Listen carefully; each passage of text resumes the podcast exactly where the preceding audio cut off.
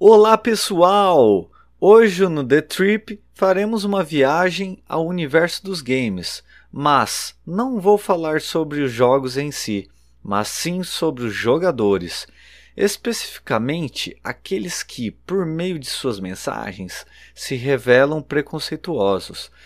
Nesse episódio vou mencionar games como Tibia, Dota e Counter-Strike, o famoso CS, que são os que jogo atualmente, mas é claro que nessa conversa de hoje se aplica a todos os demais jogos online e é aqueles que ainda jogam, que é Age Vampires 2, Magic the Gathering e por aí vai. Para alguns gamers, esse assunto pode até parecer besteira, mas para mim não é não. Muito pelo contrário, é de suma importância discutirmos como esses discursos ofensivos que se encontram em muitos jogos online podem destruir psicologicamente as vítimas desses ataques. Então vamos lá, pessoal, para mais uma viagem.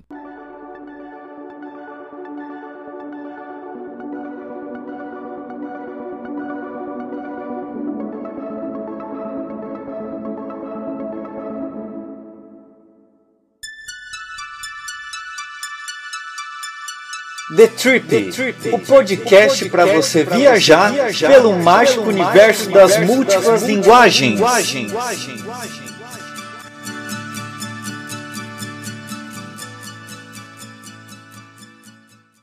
Bom, pessoal, não dá para eu comentar sobre os gamers preconceituosos sem antes mencionar um pouco desse cenário político atual, porque ambos estão conectados. E por quê?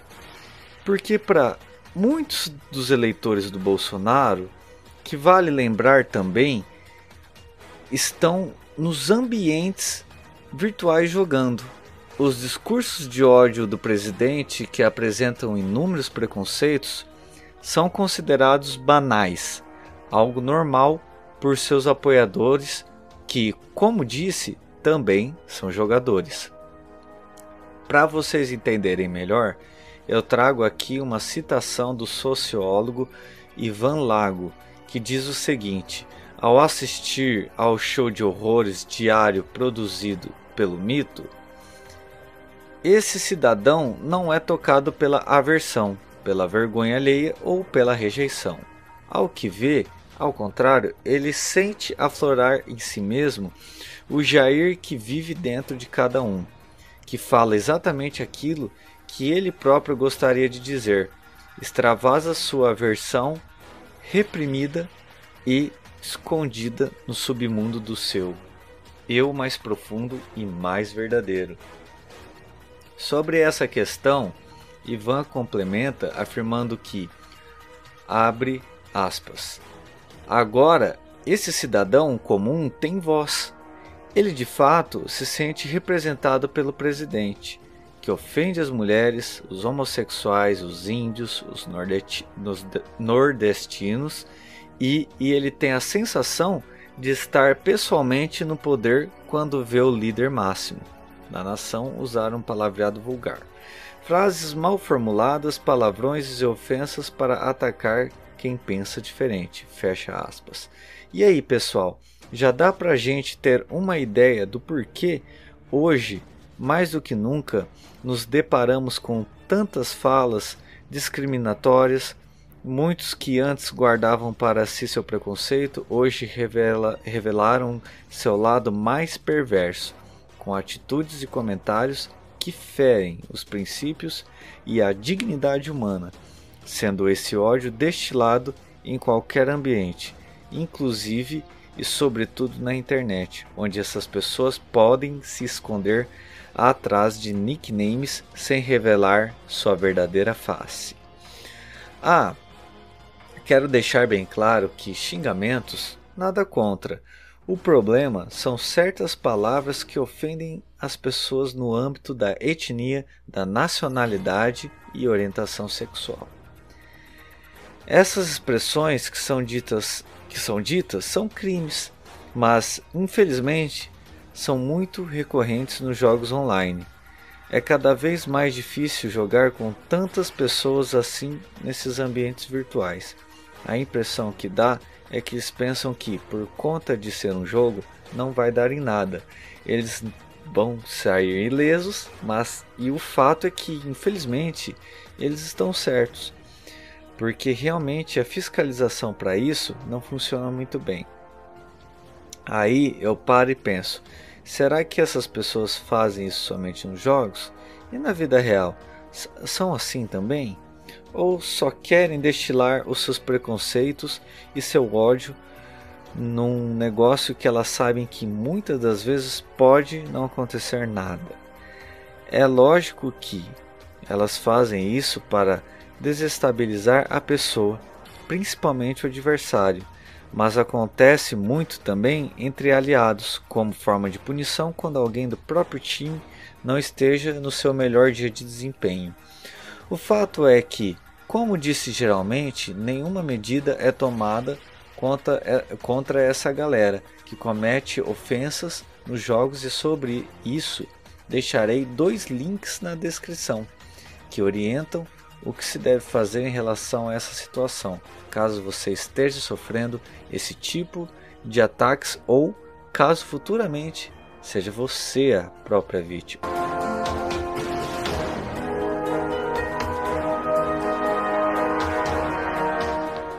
Dos métodos é que cada game tem o seu suporte, mas o que fazer se o próprio suporte é preconceituoso? Sim, Infelizmente aconteceu um caso desse no Tibia com uma pessoa que é da Venezuela. Ela foi pedir auxílio no suporte e um deles simplesmente não ajudou, pelo simples fato dela ser venezuelana. E aí, além de não auxiliá-la, ainda destilou a velha xenofobia. Outros games que observo muito preconceito é no Dota e CS, principalmente no Dota o tanto de preconceito que esses gamers destilam não está no gibi. Nesses jogos, o que mais vejo em primeiro lugar são ofensas voltadas à xenofobia, em segundo fica o racismo e homofobia mais para o terceiro. No Dota, há uma rixa entre os próprios latino-americanos, ou seja, quando a galera do Peru, Chile, México, Venezuela, Bolívia por aí vai joga com a gente, os brasileiros, eles se mostram xenofóbicos contra nós, aqui no Brasil. Mas também há uma parcela bastante expressiva de brasileiros que se mostram xenofóbicos com os hispânicos. Acredito eu que os brasileiros são muito mais que eles. Esse perfil de gamers já começa a insultar no início do jogo, às vezes até mesmo quando o jogador não faz absolutamente nada de errado. E se cometem qualquer erro, nossa, aí eles caem matando com tudo.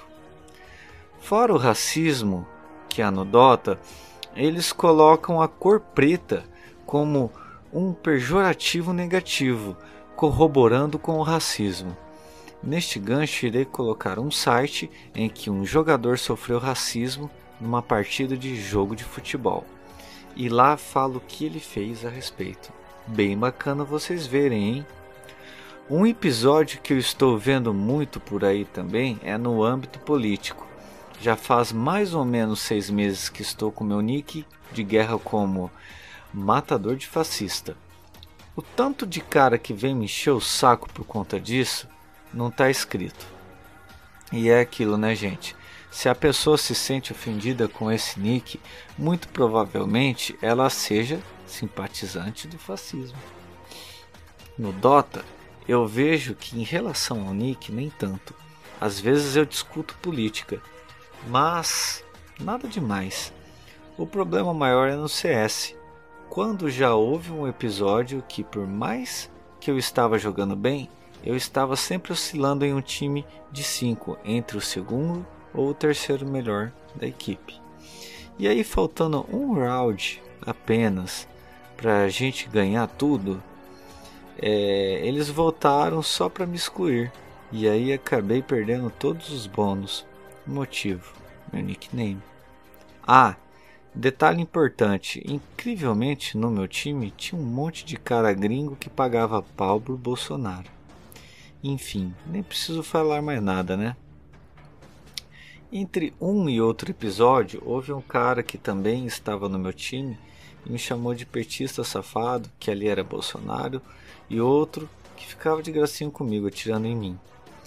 Esse nick me tem surtido um efeito mais negativo no que diz respeito ao próprio jogo, principalmente no CS. Será que é porque esse jogo envolve armas? Coisa que Bolsonaro idolatra? Bom, coincidências ou não, o fato é que de uma coisa tenho certeza: eles que lutem contra suas intolerâncias ao que lhes incomoda porque o que eu sei é que eu vou seguir no jogo sendo matador de fascista por um bom tempo.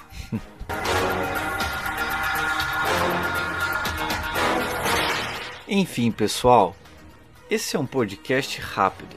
Gostaria de desabafar essas coisas com vocês, compartilhando essas situações desagradáveis que já presenciei, seja comigo ou com outras pessoas nos jogos por aí. Gostaria muito que, caso vocês presenciassem essas atitudes durante os jogos, vocês não ficassem omissos e não se calassem diante desse tipo inaceitável de comportamento. Eu sempre que possível, quando presencio essas situações, procuro sempre chamar a atenção do jogador que praticou a ofensa, ou até mesmo faço a denúncia para o suporte para ver se eles punem essas pessoas de alguma forma, né?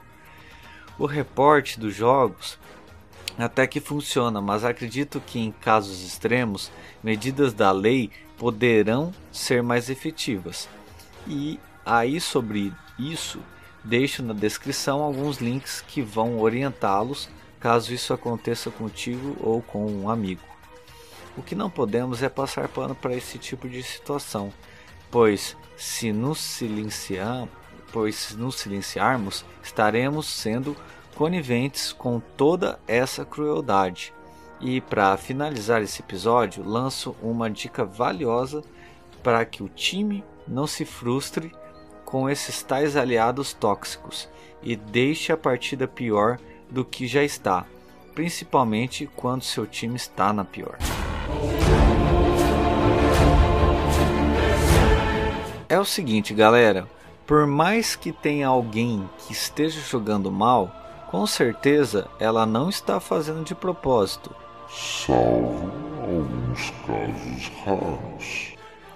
Então, sejam pacientes com essa pessoa, tentem não falar que ela está mal no jogo, incentivem-na a melhorar sua performance no jogo enfatize o que ela tem de melhor, dê dicas construtivas. Lembre-se que ali no videogame, por detrás de cada avatar existe uma pessoa que muitas vezes encontra no jogo sua válvula de escape. Muitos, inclusive, mantêm grande parte das suas relações interpessoais ali naquele ambiente. Portanto, sejamos mais humanos tenhamos mais respeito com os demais jogadores, não utilizemos palavras ofensivas que firam a existência do outro. Os jogos, para mim, aliviam a tensão. Eu jogo para me distrair, para desestressar, mas quando vem uma pessoa tóxica que fica só apontando defeitos e alguns até injustos, acaba até jogando pior do que já estava. É, galera, até nesses momentos emocional conta muito.